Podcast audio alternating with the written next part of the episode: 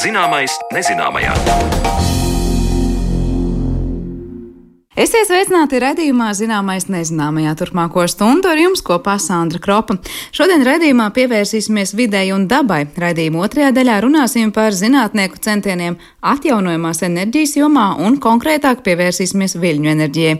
Taču pirms tam stāsts par to, kā dažādus vīrusus un slimības ierobežo koku pasaulē. Kokiem slimības ierosina sēnes, baktērijas un vīrusi. Bakteriālā iedaga, jeb ervīnija, ir viena no postošākajām koku slimībām, un tāpat kā cilvēku vidū ir tādas koku kaitas, kas izplatās strauji un iznīcina tos. Plašāk par koku infekcijām Zanes Lācis veidotajā ierakstā. Kokiem, tāpat kā cilvēkiem, ir slimības, kas līdzīgi iesnām uznāk un pāriet. Tāda, piemēram, ir bērzu rūsa, kad lapas kļūst brūnas un sarkanīgas. Bet ir slimības, kas ir daudz bīstamākas un kuru dēļ var aiziet bojā vairākas koku audzes. Tāda ir sakņu trupe, ošu slimība vai gobu holandes slimība. Koku kaitis uzskaita dendrologs un dabas aizsardzības pārvaldes ģenerāldirektors Andrejs Svilāns. Viņš attālināti ierakstītā intervijā stāsta plašāk par koku kaitēm. Nu, te jāsaka, ka visas slimības nav vienādas. Tieši tāpatās kā mums ir vīrusu izraisītas iesnas, ko mēs eh, dažs labs pamanāmies gadā noķert pat vairāk kārt, bet tā nav mirstamā vaina. No nedēļu pašķaudam, papuņķojamies eh, un esam atkal veseli. Nu, un, protams, ir slimības, kuras eh, var būt pat ar letālu iznākumu. Tā kā nevar teikt vienkārši, ka visas slimības ir vienādas. Jā, tieši tas pats cilvēkam, tieši tas pats ir augiem. Ļoti daudziem augiem, piemēram, ir eh, raksturīgas dažādas rūsas sēnes, kuras tikai ļoti retos gadījumos var izraisīt auga bojā eju. Piemēram, bērniem ir rūsa, ir rūsa papelēm, pārbelēm, rozēm, bet parasti tā rūsa, nu, ir viņa uznāk un pāriet, un tas augsts, protams, turpina augt. Jā, ja šī rūsa skar masveidīgi augu kokiem, tajā gadā var samazināties pieaugums, bet jebkurā gadījumā tas nav letāli. Nu, un, protams, ir šīs slimības, kuras ir jau ar stipri nopietnāku iznākumu.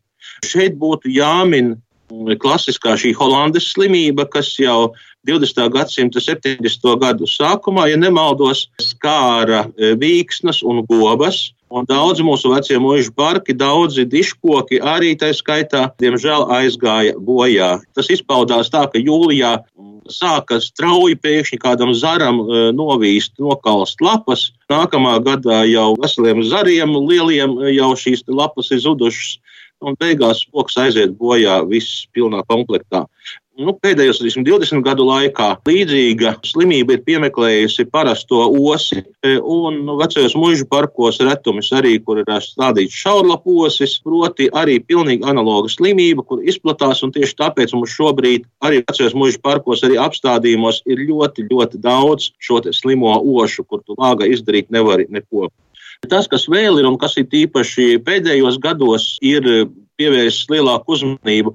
Proti, ka nu, droši vien ka no Rietuma Eiropas mums ir ievazāta viena slimība ozoliem. E, un e, arī gan meža saimnieki, gan e, sabiedrisko apstādījumu apsaimniekotāji vēro, kas notiek ar ozoliem. Sākotnēji ozoliem parādās tādas brūnas, sulojošās brūces uz stumbra, bet nu, arī tur ir iekšā tāda infekcija. Galvenie koku slimību ierosinātāji ir baktērijas, sēnes un vīrusi. Par sēnēm runājot, arī to iedaba ir dažāda. Ir tādas, kas pārtiek no dzīves koksnes, un tādas var nonāvēt koku, un ir sēnes, kas kaitē mazāk, jo barojas ar atmirstošu vai jau atmirušu koksni. Andrejs Svilāns turpina par cilvēku acī redzamajām, jeb makroskopiskajām sēnēm.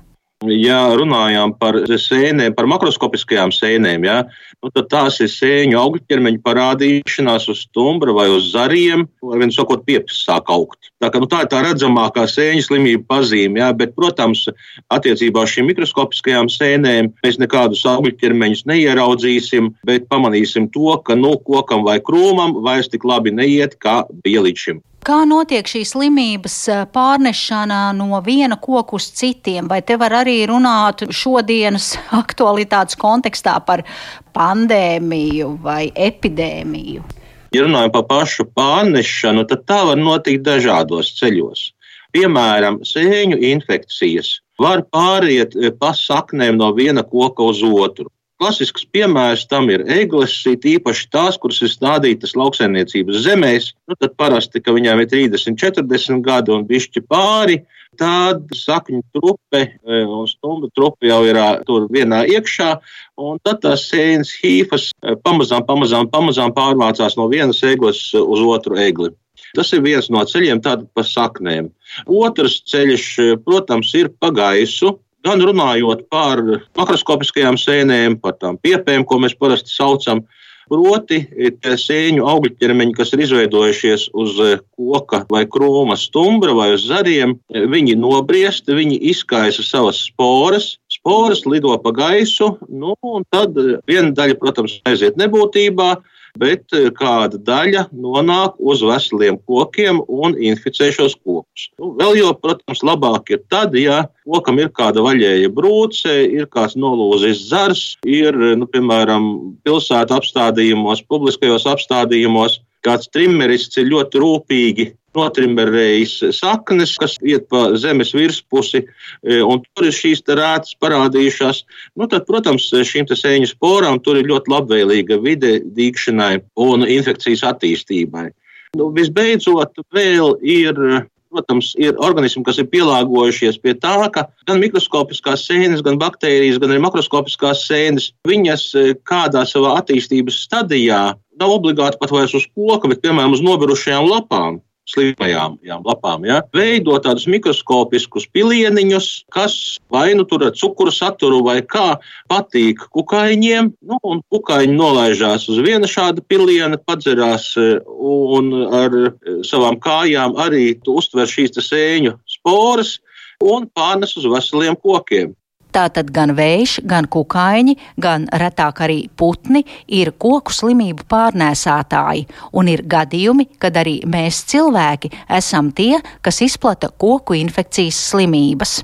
Ja dārzkopji zāģē ar šķērēm vai zāģi slima koka zarus, uz šķērēm vai uz zāģa nonāk sēnes hīfas vai sporas vai veselas šīs baktērijas, un pēc tam dārzkopis iet tālāk, zāģē veselu koku un šādā veidā inficē. Tāpēc, piemēram, Nacionālā botaniskā dārzā salaspilī, kad mēs kopjam kokus un ir kaut kāda ir slimības pamanīta kādai ģintī, kādai sugu grupai, ja tā saslimšana ir tāda aktuāla un e, postoša pietiekoši, tad, e, protams, mēs rekomendējam šķēres vai zāģi pirms pie nākošā koka nodezinficēt e, vai nu spirta šķīdumā vai zilo graudiņu šķīdumā. Katrā gadījumā lietot dezinficējošos šķidrumus, lai mēs šo slimību neaiznestu no viena auga uz otru. Atgriežoties pie kokiem bīstamajām kaitēm, Andrejs Svilāns min bakteriālo iedegu jeb ervīniju, kad slimie koki izskatās kā apdeguši vai sala bojāti, koku lapas un augļi kokos nobrūnē, sačokurojas un iet bojā. Tas ir tas gadījums, kad drošības nolūkos ir jāiznīcina arī apkārt esošie koki. Ja jums ir trāpījušās, eh, piemēram, šīs bakteriālās iedegas, jeb ervīnija, tagad visiem vajadzētu draudzīgi nošķļoties pa kreiso plecu, tad eh, šīm postošajām slimībām, šīm karantīnas slimībām, protams, tādos gadījumos eh, šis inficētais koks ir jāiznīcina un ir jāiznīcina pat apkārt esošie veselie koki, jo mēs jau nezinām, cik tālu tā slimība ir izplatījusies. Mēs īsti nezinām, kas tur tiem pārējiem lācīšiem ir vēderā un e, kurā brīdī tā slimība nāks laukā. Un bieži viņam ir tā, ka tīsim, tā slimība parādās, un mēs viņu pamanām vēlāk, bet e, jau no tiem pašiem zariem, arī šai ervīnijai, šīm bakteriālajām iedegām, arī viņai ir veidojušies šie tā sauktie eksudāta pilieni. Proti, dzidri pilieniņi, kas ļoti patīk kukaiņiem, un kuru viņi pēc tam ar savām kājiņām iznēsā tālāk uz veseliem kokiem. Tā kā ir šīs karantīnas slimības, kurām ir jārēģē cik vien iespējams ātri, un šie soļi ir pietiekoši radikāli. Ir vēl šobrīd eh, Eiropā ir vesela grupa vēl šādiem karantīnas organismiem. Latvijā par laimi viņi nav konstatēti, bet piemēram Vācijā uz eh, oleandriem, ievestiem oleandriem, tika konstatēta viena saslimšana, kura var kaitēt aptuveni 300 augu sugām. Tā kā ir tādas e, šīs baktērijas un sēnes, kurām ir ļoti specifiska šī e, saimnieka augu pulciņš vai lociņš. Ja. Tas laba suga varbūt tās tikai uz vienas vai dažām sugām, bet ir arī slimības, kurām ir e, par saimniekiem var būt vai starpsaimniekiem var būt desmiti un simti augu sugu, un kas var radīt nopietnas bažas. Andrejs Svilāns arī bilst, ka mums jābūt uzmanīgiem, ievedot kādu augu no citām valstīm. Arī tā varam iedzīvoties jaunās augu kaitēs, kā tas jau ir noticis, nerunājot gan par kokiem, bet mazākiem augiem, tajās reizēs, kad Latvijā ieceļoja ne gluži slimība, bet ļoti postošs un slimībai līdzīgs iemītnieks Spānijas kailgliemezs, par kuru jau nereiz vien esam runājuši vairākos mūsu raidījumos. Par koku slimībām stāstīja dendrologs, dabas aizsardzības pārvaldes ģenerāldirektors Andrejs Svilāns, un ar viņu sazinājās mana kolēģe Zane Lāca. Bet par atjaunojamo enerģiju un to, cik tā vidē draudzīga, runāsim raidījuma turpinājumā.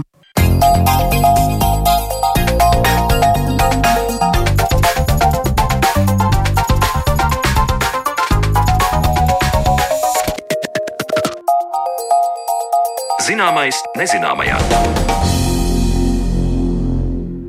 Raidījuma turpinājumā vismaz netieši viesosimies Latvijas Universitātes Cietvielu fizikas institūtā, kur pētnieki cenšas rast risinājumus, lai viļņu enerģiju pārvērstu jau lietojamā elektroenerģijā. Ar ko tad īpaša viļņu enerģija un kas vēl ir aktuālajie jautājumi zinātniekiem, kas strādā atjaunojamās enerģijas laukā, mēs runāsim raidījuma turpinājumā, jo ciemos esam aicinājuši jau minētā Latvijas Universitātes Cietvielu fizikas institūta pētnieku Pēteri Lesničēnoku. Labdien! Labdien! Nu, vispirms jautāšu, cik tālu šobrīd ir ar viļņu enerģiju vispār pasaulē? Tas ir joprojām tāds nu, mērķis, uz kuru ejam, vai pār, diskusija pārņemts mērķis, vai reāls ierīces jau strādā un risinājumi tiek piedāvāti? Nu, strādā diezgan daudz reāls ierīces. Uh, ir vairāki zināmi viļņu enerģijas pārveidotāji, kur droši vien asociējas visiem, kad viņi, iedzird, kad viņi dzird kaut kādu e, elektrības iegūšanu no viļņu enerģijas. Viens no tiem ir tā garā peldošā čūska, pelamis, kas diemžēl laikam savu uh, funkcionalitāti ir beidzis, bet, uh, bet uh, vairāki citi uh, tie, tie ģeneratori tipi turpina strādāt un, uh, un tādi tiek uzstādīti. Un, uh, arī Lielbritānija iegulda lielus līdzekļus šajā virzienā, Taivāna. Nu, jā, Tā kā var teikt, tas iet uz priekšu lieliem soļiem. Kā mainās tas, kā to viļņu enerģiju kas gribēja un cerēja iegūt nu, pirms dažiem gadiem, kā to iegūst tagad un, un uz ko skatās nākotnē? Līdzīgi kā ar vēja parkiem, ar viņu enerģiju ir tā, ka uh, ir divi tipi investori. Viena ir tie, kas investē tādēļ, ka viņiem nu, patīk zaļā enerģija un ka viņi grib nu, reāli pienesumu no dabas dabūt ārā. Un otrs ir tie, kas uh, pērk uh, angliski cash flow, latviešu naudas plūsmu. Uh, Tie, tie kas investē tikai naudas plūsmā, nu, tie mm, varbūt skatās vienkārši uz pelnošāko vietu, kur ir lielākie viļņi un kur ir īsāko gabalu jāvelk kabelis, vai ne? Jo viena viļņu ģeneratora tāda pamatīga ielikšana maksā kaut kur ap 180 tūkstošiem dienā. Dienā. Uh, nu jā, jo ir vajadzīgi tā, tās pašas sistēmas, kas ieliek naftas platformas. Ja tev ir liela viļņu enerģijas savākšana, nu tad, tad tikai tādas summas. Uh, Tie, kas savukārt iet ar mazākām eksperimentālām iekārtām vai nu, nišas viļņu zonās, nu, tiem tās investīcijas mēdz būt mazākas. Un tas īstenībā diezgan strauji attīstās gan Skandināvijā, gan citur. Tagad tieši tās mazās, ja šobrīd uz nu, tā, jā, tādi tā mazāki pludiņi, citas viļņu zonas, nu ne visur ir okeāns ar 14 metru viļņiem patstāvīgi. Nu. Pirms mēs runājam par to ierīci, kas, es saprotu, arī Cietuvela fizikas institūtā ir tapusi, tā var teikt, tad tiek izmēģināta. Varbūt var pavisam vienkāršot to darbības principu izstāstīt kā vienām tām otrām iekārtām. Nu, tad, kad mēs runājam par tiem lielajiem viļņiem, jā. kas tur ko savāc un kā pārvērš, un kas notiek ar tiem mazajiem viļņiem. Tātad ar nu, visiem ir diezgan līdzīgi. Katrs kaut kādā veidā cenšas savākt to viļņošanās starpību starp, starp viļņa zemāko punktu un viļņa augstāko punktu. Vislielākajām ierīcēm mēdz būt, kad ir nepieciešams vai nu noenkurot viņas pret zemi un tad censties to pluda celšanas spēku kaut kā pārveidot elektrībā. Tad ir tādas, kas izmanto hidrolisku starp starp posmu uzkrāja hidrolikā un tad griež kaut kādas turbīnas. Un tad ir tāda, kas vienkārši viļņu plūsmu caur turbīnām dzen cauri. Nu, tie, tie būtu ar lielajiem viļņiem vairāk asociējami. Un tad ir tādi punktveida tipa ģeneratori, kas būtībā ir bojas, un tie strādā uz mazākiem viļņiem. Viņi var būt arī priekš lieliem viļņiem, bet nu, praktiski viņi ir uz mazākiem. Lielie viļņi nevar tās bojas aiznest? nu, nē, visi viņi ir noenkroti. Jā. Kāds ir tas tad, princips, nu, labi, mazajiem viļņiem? Mēs runājam šobrīd. Mēs iedomājamies tādu tiešām tādu knapu viļņošanos, vai tas ir stāsts par nu, cik metru viļņiem, kas tiek uzskatīti par maziem? Nu, globāli par maziem viļņiem tiek uzskatīti tie viļņi, kas ir ap metru. Nu, ja, ja vispār iet tajā viļņu ģeneratoru vai viļņu enerģijas pārveidotāju tematikā iekšā. Mēs īstenībā skatījāmies uz tādiem viļņiem, kas būtu arī zem metra, jo nu, daudz biežāk un daudz plašāk ir sastopama šāda mērena viļņošanās. Zema vēja apstākļos, nu tādi 60 cm viļņi ir diezgan daudz kur. Un, Ko no tādiem var iegūt tik maziem? Kā tas notiek? Jā, nu, tā tad mēs kopā ar Taivānas zinātnieku jau kaut kādu laiku strādājam pie tā, lai varētu izmantot tieši nu, tiešas darbības viļņu, jā, viļņu enerģiju, kas nozīmē uzreiz katru vilni pārveidot elektroenerģijā. Nu, tas viss, protams, notiek ar indukciju un magnētiem ejot gar spoli, un, un tur ir tā tad vienkārši jāaprēķina viss, lai pareizi strādā. Cik to var iegūt, tas gan ir ļoti atkarīgs nu, no tā, cik ilgi tev viļņosies, vai ne? Ja, ja būs liela vētra, tad tā noņemšana var būt lielāka, nu, tā kā desmitos kilovatu. Ja tā viļņošanās ir maza vai nu ir tas bula laiks, nu tad varbūt tā arī, kad saule spīd vairāk nekā vējš, nekā viļņi. Jā. Bet tālāk, kas notiek? Nu, labi, tās iekārtas, ja mēs par tām supermazajām runājam, Jā, okay. tās ir kā tādas bojas, kas tiek noliktas konkrētās jūras vietās, vai tas ir kaut kur diezgan tuvu nu, krastam, vai kā? Nu, ja mēs runājam par eh, supermazajām pasaulē, tad tā ir boja. Jā, nu, tas ir eh, varbūt pieņemsim arī pie mola tāds, tāds eh, nu, teiksim tā, nostiprināts bumbulis, kas uz tāda gara kāta cilājās un, un, un ražo uh, enerģiju. Savukārt mēs domājām par šādiem te vairākiem pludiņiem, kas, kas tātad kustās arī gar, caur, nu, gar spolēm ar, ar magnētiem, un tādi daudzi ir sakarināti uz viena tilta. Tu iegūsi tādu tā kā platformu. Nu, mēs to saucam par tiltu, uz kura tad ir 10, 15 tādas vienības. Katra viņa ražo kaut kādu daudzumu vatus, un atkarībā no tā, kādā viļņu zonā viņi ir, viņi var kustēties nu, tur, teiksim, nu, no 20 cm viļņiem sākt ražot nu, līdz 3 metriem, nu, lielākajās. Ja? Nezinu, vai to varēs vienā iekārtā realizēt. Bet tas nozīmē, ja tie pieņemsim tie 30 centimetri tur viļņi, tādām Jā. nu, vietām, kas tur viņu, viņu veido, ir jābūt daudzām. Tur nepietiks ar divām, piecām tādām vai kā. Nu, droši vien, ka nē. Droši vien, ka nepietiks. Nu, gribētos jau, lai, lai var ielikt vienu vienkārši cauruli un, un teikt, reku, man māja visu laiku varēs leduskapu kurināt un kondicionieri. Nē, nu, vajag tomēr vairākas tādas, tāpat arī ar vienu saules paneli. Savu maisaimniecību neno, nenobaros, kurai ir 5 kWh patēriņš vai ne. Nu, ja, ja tev ir liels patēriņš, ir nepieciešams sama, nu, salīdzināma izmēra tas ģenerators. Bet kā mēs varam iedomāties tagad, nu, cik liela ir tā kastīte, ko mēs apmēram to ierīci nolikt uz tiem zemajiem viļņiem, un ko Jā. mēs otrā galā, kā saka, iegūt, nu, ja tā ir mājsaimniecība? Jā. Cik mēs no tā? Nu, nu, tā tad maisaimniecība, laikam šeit ir tāda runa par maisaimniecību, kas nav pieslēgta elektriskajam, nu, vispār elektrībai no krasta. Jā, tātad tās ir nu, salas, mazāk apdzīvoti reģioni, nu, varbūt lielo ezeru krasti. Nu, Vairāk uz pasauli mēs skatāmies. Protams, arī Latvijā ir vējaini ezeri, bet, bet skatāmies uz, nu, uz, uz piejūras zonām vismaz.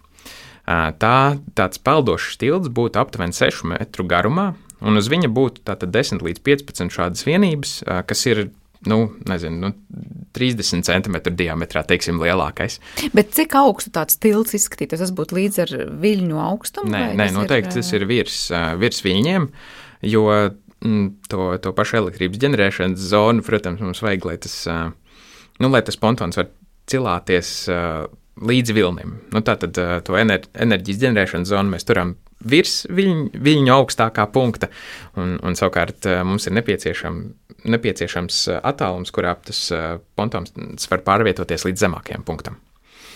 Cik ar tādu 6 vai 10 metru? Ne, ne, Nē, 6 metru plats. 6 metru plats. Jā, div, un... kaut kur 3 metri garš. Ne, nu tāds, Tad 6 x 3 metri apmēram tāds jā. objekts. Cik daudz tas spētu tai mājasēmniecībai nu, palīdzēt? Tas būtu, nu, nezinu, nu, tā, leduskapju un kondicionieri. Do, doma ir, ka ar šādu te var nobarot, nu, tiešām to uh, 5 līdz 10 kilovatu maisaimniecību, kas ir nu, skatoties starp Eiropas un, un Amerikas vajadzībām maisaimniecībai. Jā, nu, tas ir normālās vajadzības, tas ir, tas ir leduskapis, tā ir elektrība, tas ir internets, nu, tas ir iespējams ūdens attīrīšana un, un, un televizors. Un, tā kā ar jā. tādu 6x3 metru jā. iekārtu pietikt pilnīgi noteikti mājasēmniecībai savu vajadzību uzturēšanai. Nu, protams, ka ir nepieciešams uzkrāt baterijā, bet jā, jā nu, ir doma, ka tas ir alternatīva saules panelim. Kur tā baterija atrastos? Tā baterija droši vien atrodas uz krastā, tuvāk maisaimniecībai, jo visu pārveidošanu arī var ves, vei, veikt eh, krastā. Bet būtībā nav, nav īsti svarīgi. Kur. Bet eh, cik tālu no krasta pašam tam pontonam jābūt, lai tā, var teikt, ir vai nav dārga tā elektrības iegūšana tur tālu no krasta? Nu, tas ir atkarīgs no katras vietas, eh, jo nu, kabeli vai ne, var, var, var ieklāt, un tās ir kaut kādas izmaksas, taču, nu, ja to staciju ir nepieciešams noankurot, pieņemsim, pie ļoti stāva okeāna dziļvagas, ja, tad, tad droši vien, ka tas būs dārgāk. Nu, mēs, mēs skatījāmies, ka nu, līdz kaut kādiem līdz puskilometram no krasta būtu vērts, bet īstenībā mēs skatāmies daudz, daudz tuvāk. 100 vai 50 metri no krasta atkarībā no viļņu režīma. Ja, ja tas ir lagūnā līcītī, tad tur nu, droši vien nevajadzētu likt, jo tur viļņi nekad nebūs tādi optimāli.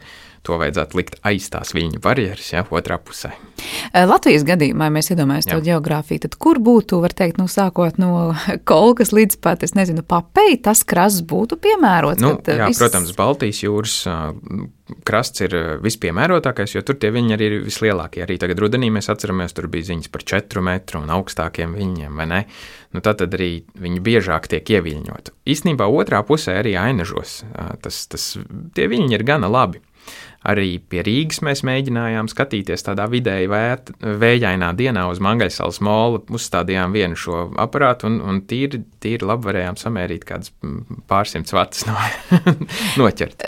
Tad tā ir tāda nu, laba alternatīva, var teikt, ka katrs savai mājasemniecībai, kas ir pie jūras tūmā, varētu izveidot tādu enerģijas iegūšanas staciju? Es domāju, ka tā nav vienīgā alternatīva. Es domāju, ka uh, ir ļoti prātīgi lietot arī saules paneļus, kas šobrīd ir gan tālu attīstījušies, bet tā var noteikti būt uh, kā papildus uh, lieta, jo naktī saule nespīd. Un uh, īstenībā ar vēja enerģiju ir problēma tā, ka tad, kad vislielākais vējš pūš, tad mums tie vēja turbīnas ir jāizslēdz, lai viņas nenolaustu.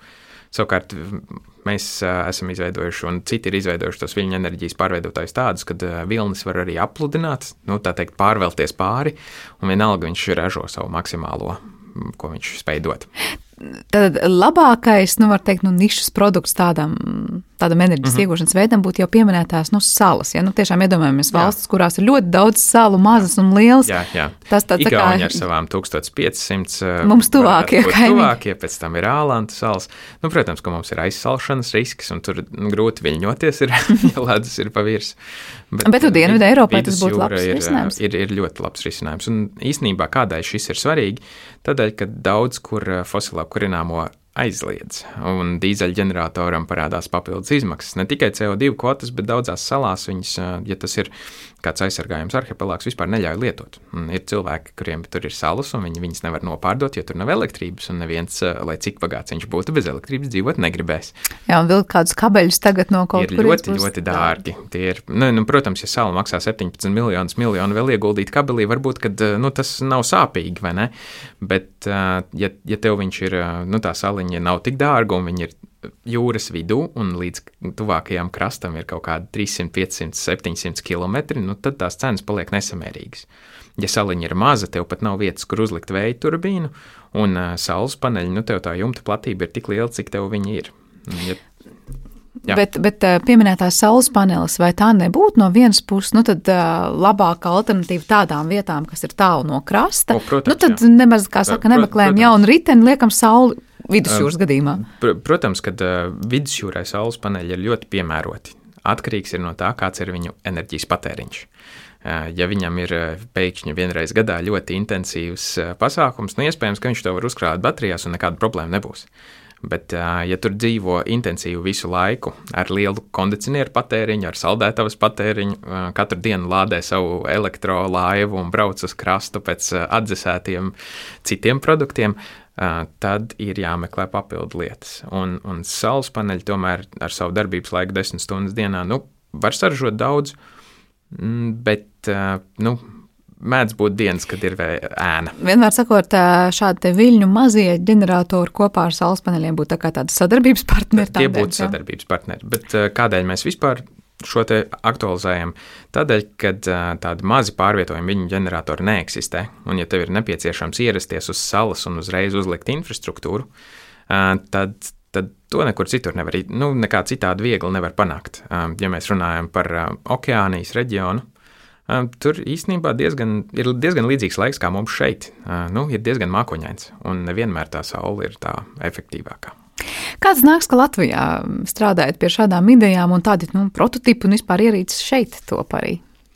Nu, laikam jāsaka, ka liela, liela ietekme uz to ir bijusi tai Minoks izgudrotāju izstrādē un izgudrotāju biedrībai Latvijā.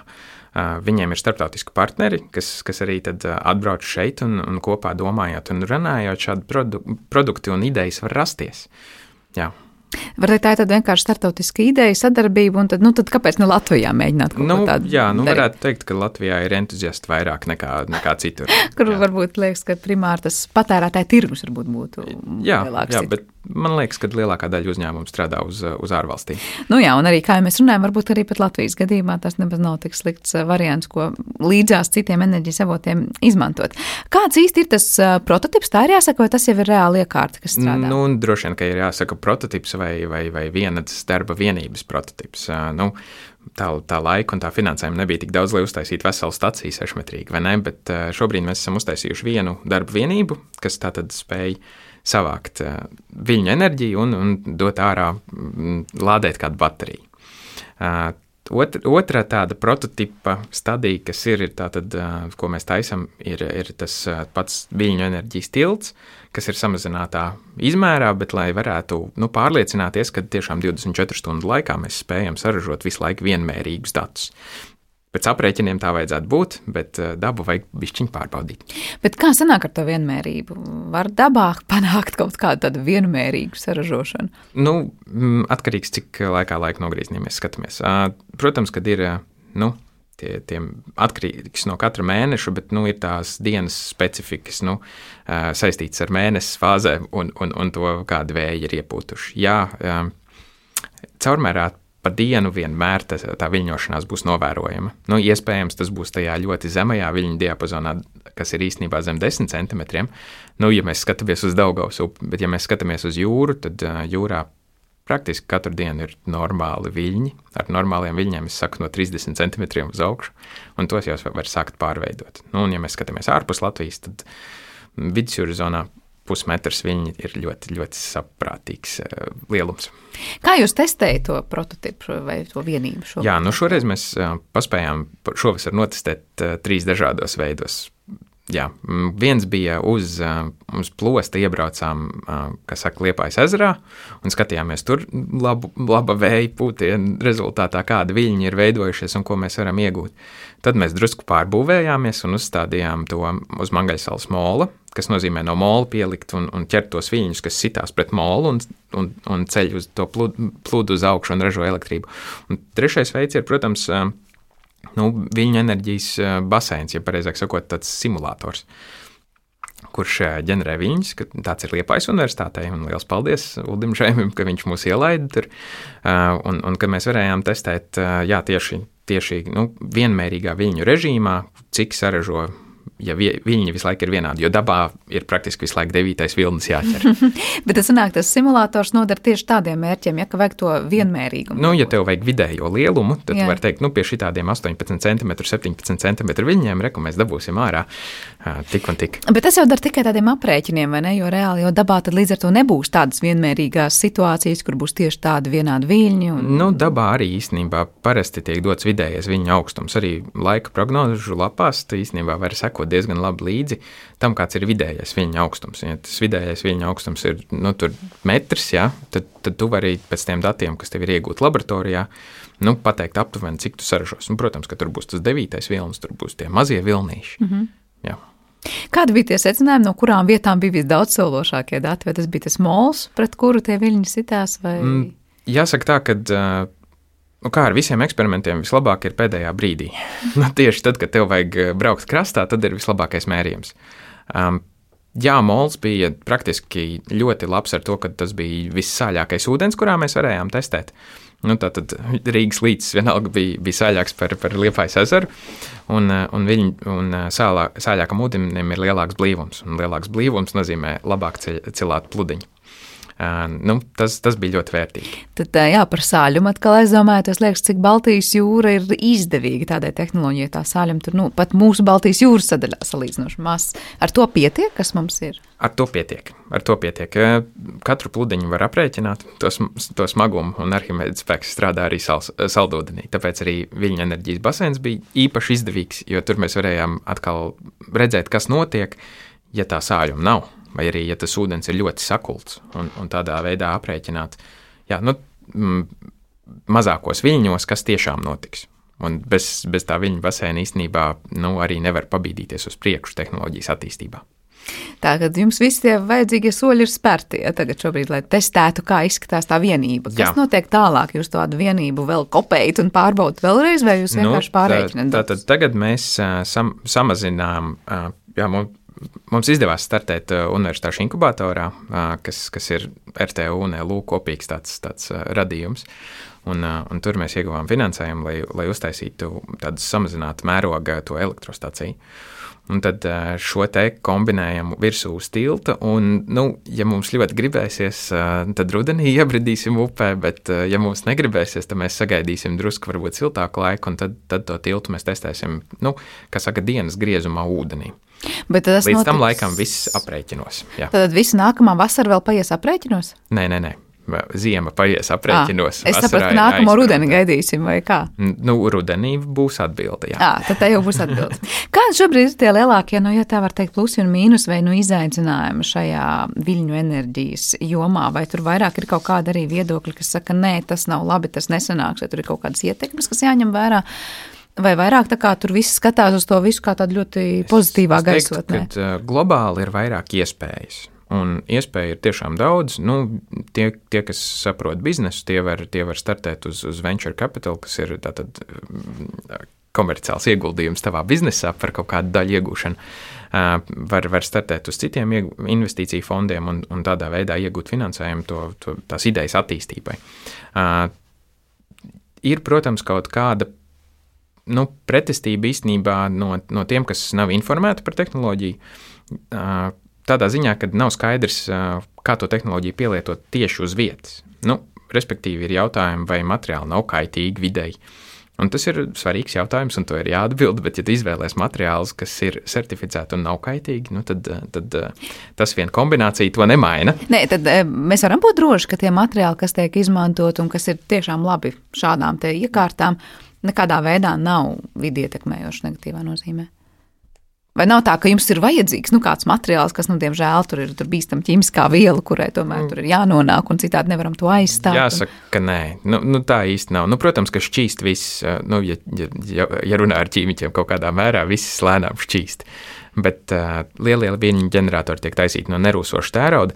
Viņiem ir mīnus, ka viņiem var būt eļļas noplūdes. Mēs mēs izvairījāmies no eļļas kopumā, un tur jau mēs aizlicējām viņiem priekšā. Nu, kā teikt, viņu, viņu trūkumu par savu priekšrocību padarījāt. Uh, nu, vēl vides aspekti ir kaut kādas bažas, par ko parasti ir diskusijas. Nu, ir viena liela bažas, ko īstenībā jāsaka. Nu, ja, ja man ir tas uh, viļņu ģenerators uh, 100 metrus no krasta, ja, un viņš ir nu, 2 metrus virs ūdens līmeņa, nu, teiksim, ka mēs strādāsim uz tādu viļņu režīmu. Ja, nu, vai man gribās redzēt mazu punktiņu 100 metrus no krasta? Nu, tur radās ekologu kaut kādas bažas. Mm, vai, vai īstenībā ainavu arhitektu bažas, ka, ka, tas ir, ka tas ir punktiņš, jā, kas ietekmē. Nu, tad ir jārunā par to, ka tur varbūt dzīvos putniņu virsū, un viss īstenībā ir labāk nekā liekas. Varbūt, ka tur īstenībā tā var būt peldoša sala, kur var dzīvot kāds nu, niršanas klubs, un tad atkal tur ir nu, cits pienesums. Tad to, to ierīci var apdarīt tā, lai tas jā. būtu kaut kas lielāks un atkal kaut kāda jau, jau pievienoto vērtību. Eh, kādas ir tās idejas, kas virmo, nu, piemēram, vai tur varētu būt nu, kāda īpaša dzīves vietas? Jā, jā, tieši tāda peld, peldošas salas māja vai vai, vai mm, salas kafejnīca ir, ir viena no tām idejām, ko mēs esam jau ilgstoši apdomājuši. Nu, bet Kā saka, no sākuma vēl laikam vajag enerģijas ģeneratoru, un tad jau tur to pa virsmu uztaisīt varēs visu kaut ko. Tad varos gan salas kafejnīcas, gan tuvākās piekrastes mājsaimniecības šāds ģenerators. Mikrotīkli ir, ir laba doma, un, un, protams, arī mums kā ar ūdeņradi saistītiem cilvēkiem gribās, lai, lai tas, tā enerģijas uzkrāšana notiek ilgstoši un ilgstoši efektīvi viņi var uzklāt ūdeņradī bez zudumiem, un tad arī um, zaļākas jahtas varētu pieturēt pie mums. Tas sanāk tā, tikko mēs runājam par viļņu enerģiju.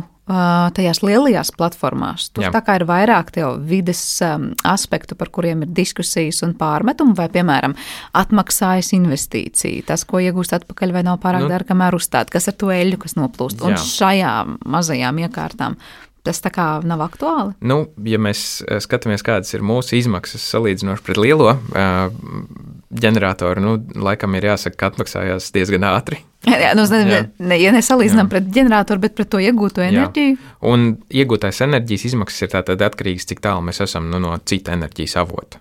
Ja mums ir pieejams, nu, pieejams tīkls, tad, tad droši vien, kad nu, būs jāpagaida kādi 10, 15 gadi, lai, lai mēs izietu nu, tā, tāpat kā ar jebkuriem saules paneļiem uz, uz, uz, uz peļņas. Jā, Tad virzien. jāatrod savu īstā vieta un īstais laiks. Vieta. Kāda izskatās šobrīd nu, tā kopaina, ja mēs skatāmies tādā ideālā mhm. pasaulē, mm -hmm. ko zīmēm, bet nu, diezgan realistiskā. Kā sadalītos nu, tas ideālais alternatīvo enerģiju, atjaunojumu enerģijas iegūšanas nezinu, avotu? Klāsts, vai viļņu enerģijai būtu tāda maza, mērķēta niša, vai tā tomēr nākotnē būtu tāda daudz biežāk pārstāvēta iespēja? Man ir laikam jāatsaucās uz Eiropas komisijas dokumentiem, un jāsaka, ka viļņu enerģija un vispār plūdmaiņa enerģija ir identificēta kā viena no tām jomām, kas turpina attīstīties. Un pasaulē viņa strauji augs. Līdz 2050. gadam ir plānots, ka tā tirgus vērtība būs 90 miljardi ja es nemaldos. Un tas ir laikam tikai Eiropā. Katru gadu nu, milzīgas investīcijas nonāk šajā jomā. Lielbritānija ir ļoti daudz jau investējusi, vairāk kā 600 miljonus, un, un turpina to investēt katru gadu. Nu, jāsaka, ka, ka Eiropa ļoti vēlās izmantot šo viļņu enerģiju. Un kas interesanti, laikam jāliek aiz auss, ka tas nav tikai stāsts par okeānu vai jūru, tad tās ir arī dažādas iekšzemes, iekš, iekšzemes ūdeņu vietas, nu, jā, un tiltas. Tas laikam vairāk ir par mums runājot, ja mēs varam iet zem viena metra viļņiem. Mm -hmm. Tad mēs varam runāt par iekšzemes ūdeņiem. Jo nu, pat, pat ganga, kur kursē daudz kuģīši, nu, nebūs baigi augstie viļņi. Un lielie ezeri, nu, Āfrikā un Amerikā, nu, tur arī tie viļņi, lai arī vējš iepūš, nu, reti ir lielāki par diviem metriem, teiksim tā. Bet cik pasaulē daudz ir tādu zinātnisku grupu, kas strādā tieši pie tādiem zemiem viļņiem, kā jūs to darat? Jāsaka, ka nav ļoti daudz. Jā, šeit mūsu priekšrocība ir tā, ka mēs mazliet izmainījām to tieši starpības principu. Uh, Un, ceņ, un, un jā, ar, ar, ar savu to zinātnisko pienesumu varam iegūt enerģiju tur, kur citi nav sapratuši kā. Un mazajos viļņos tomēr tie, tas iegūms ir ļoti zems un ir liela iespēja pazaudēt enerģiju trokšņos. Tādēļ vairāk grupas tieši strādā uz metra viļņiem un uz augšu. Nu, un mēs, protams, arī strādājam metrus uz augšu, lai mēs varam to lielo enerģiju savākt, bet uh, arī, arī tos mazos pīķīšus krājot uh, kaut kādā laika periodā, īsnībā vienā minūtē ir iespējams savākt tikpat, cik no viena lielā viļņa tajā vienā minūtē. Un tur arī sākās tā visa ideja, ja tev ir tie deviņi viļņi. Jā. Jā, tā kā esat sapratuši, ka pa, ma pa mazumiņam arī kaut ko ir vērts vākt gudri kopā, un tad arī, kā saka, rezultāts neizpaliek. Noslēdzot šo sarunu, kādi ir tie tālākie soļi? Es saprotu, labi, šobrīd ir bijuši testi šai prototipu eh, iekārtas daļai, Jā. to sauksim to tā. Kas notiek tālāk? Mēs gaidām nākamo. Mēs gaidām rudenī. nākamo sezonu, kad, kad gribās kāpt ūdenī, un, un turpināsim testēt to, ko mēs esam sarežojuši līdz šim. Skatīsimies, protams, arī nu, ar mūsu kolēģiem Taivānā, vai, vai, vai varbūt viņu pusē tomēr grib ielikt ūdenī ātrāk. Jā. Ah, nu jā, citās, citās valstīs jā. varbūt atkal tie mērījumi notiek daudz ātrāk, bet tos jau mierīgi, vai ne? Pēc tam var uh, pielīdzināt, ja taivānieši pie nu, sevis kaut ko mērīt. Ja viņi mēs... būtu uztaisījuši kaut ko, tad, tad jā, bet, bet tā kā pagaidām viss ir pie mums, tad, tad uh, varam pagaidām mērīt tikai pie mums, nu, Latvijā. Kamēr ir divas identiskas iekārtas, ir vienalga, kur viņas atrodas. Bet tad, kad jūs veiksiet tos mērījumus, jums būs rezultāti, un ja tie rezultāti būs daudz sološi, tad, tad tas notiek uh, cik apmēram ilgā laikā, kad tādas iekārtas varētu reāli kaut kur krastmalās redzēt un, un pildīt savu no, nu, darbiņu? Hmm. Nu, mm, tas ir atkarīgs no finansējuma un certifikācijas ātruma katrā valstī. Ja mēs ņemam pilotu Eiropas Savienībā, nu, teiksim, tad īstenībā ir vajadzīgs gads, kurā tas, tas ģenerators ir bijis ūdenī un reālos apstākļos testējies. Nu, ap, aptuveni gads. Nu, varbūt pusgadā kaut kur var dabūt cauri, bet īstenībā gadu tev vajag viņam atrasties ūdenī, citviet pat divus gadus un teikt, ka tev viņš nesabruktu divu gadu laikā. Ja? Nu, un tad pēc diviem gadiem tu viņu vari komerciāli teikt, reku mēs esam notestējuši, un, un visi ticēs un investēs un pirks un liks. Nu, tad mums jāpagaida laiks, jā, paiet šobrīd, un jācer nu, uz labiem rezultātiem. Jācer uz labiem rezultātiem un jācer uz atbalstu kādā, kādā citā finansiālā formātā vai pirmo klientu, kurš būtu gatavs uzlikt pie sevis. Jā, tas cik apmēram izmaksātu tāda nu, klientam tāda uzlikšana ierīces vai mājasēmniecībai? Nu, tas droši vien, kad ir visvairāk jārunā ar, ar to, cik ilgā laikā viņš grib, lai tas atmaksājās. Mm, ja, ja droši vien, kad mēs nevaram teikt, ka tas ir daudz dārgāk par saules paneļiem ekvivalentu uzlikšanai citādi neatbalstīs. Tātad plus mīnus tikpat, cik ir uzlikt saules paneli, tikpat arī iegūt, kā saka, no mazajiem viļņiem, liekas, neredzamajiem pat dažkārt viļņiem. Kilovatiem, protams, Jā. rēķinot. Nu, ko, liels paldies par šo sarunu. Interesanti būs skatīties, kā attīstās tālāk šie notikumi. Varbūt tiešām tas būs tāds atkal Latvijas ieguldījums vispār tādas reģionālās un pat globālās enerģijas bilances uzlabošanā. Kā tad, kā tad varētu dažādās vietās to enerģiju vidē draudzīgāk un cilvēkam draudzīgāk arī iegūt? Latvijas Universitātes Cietvielu fizikas institūta pētnieks Pēters Lesničenoks šodien pie mums viesojās raidījuma zināmais nezināmajā studijā.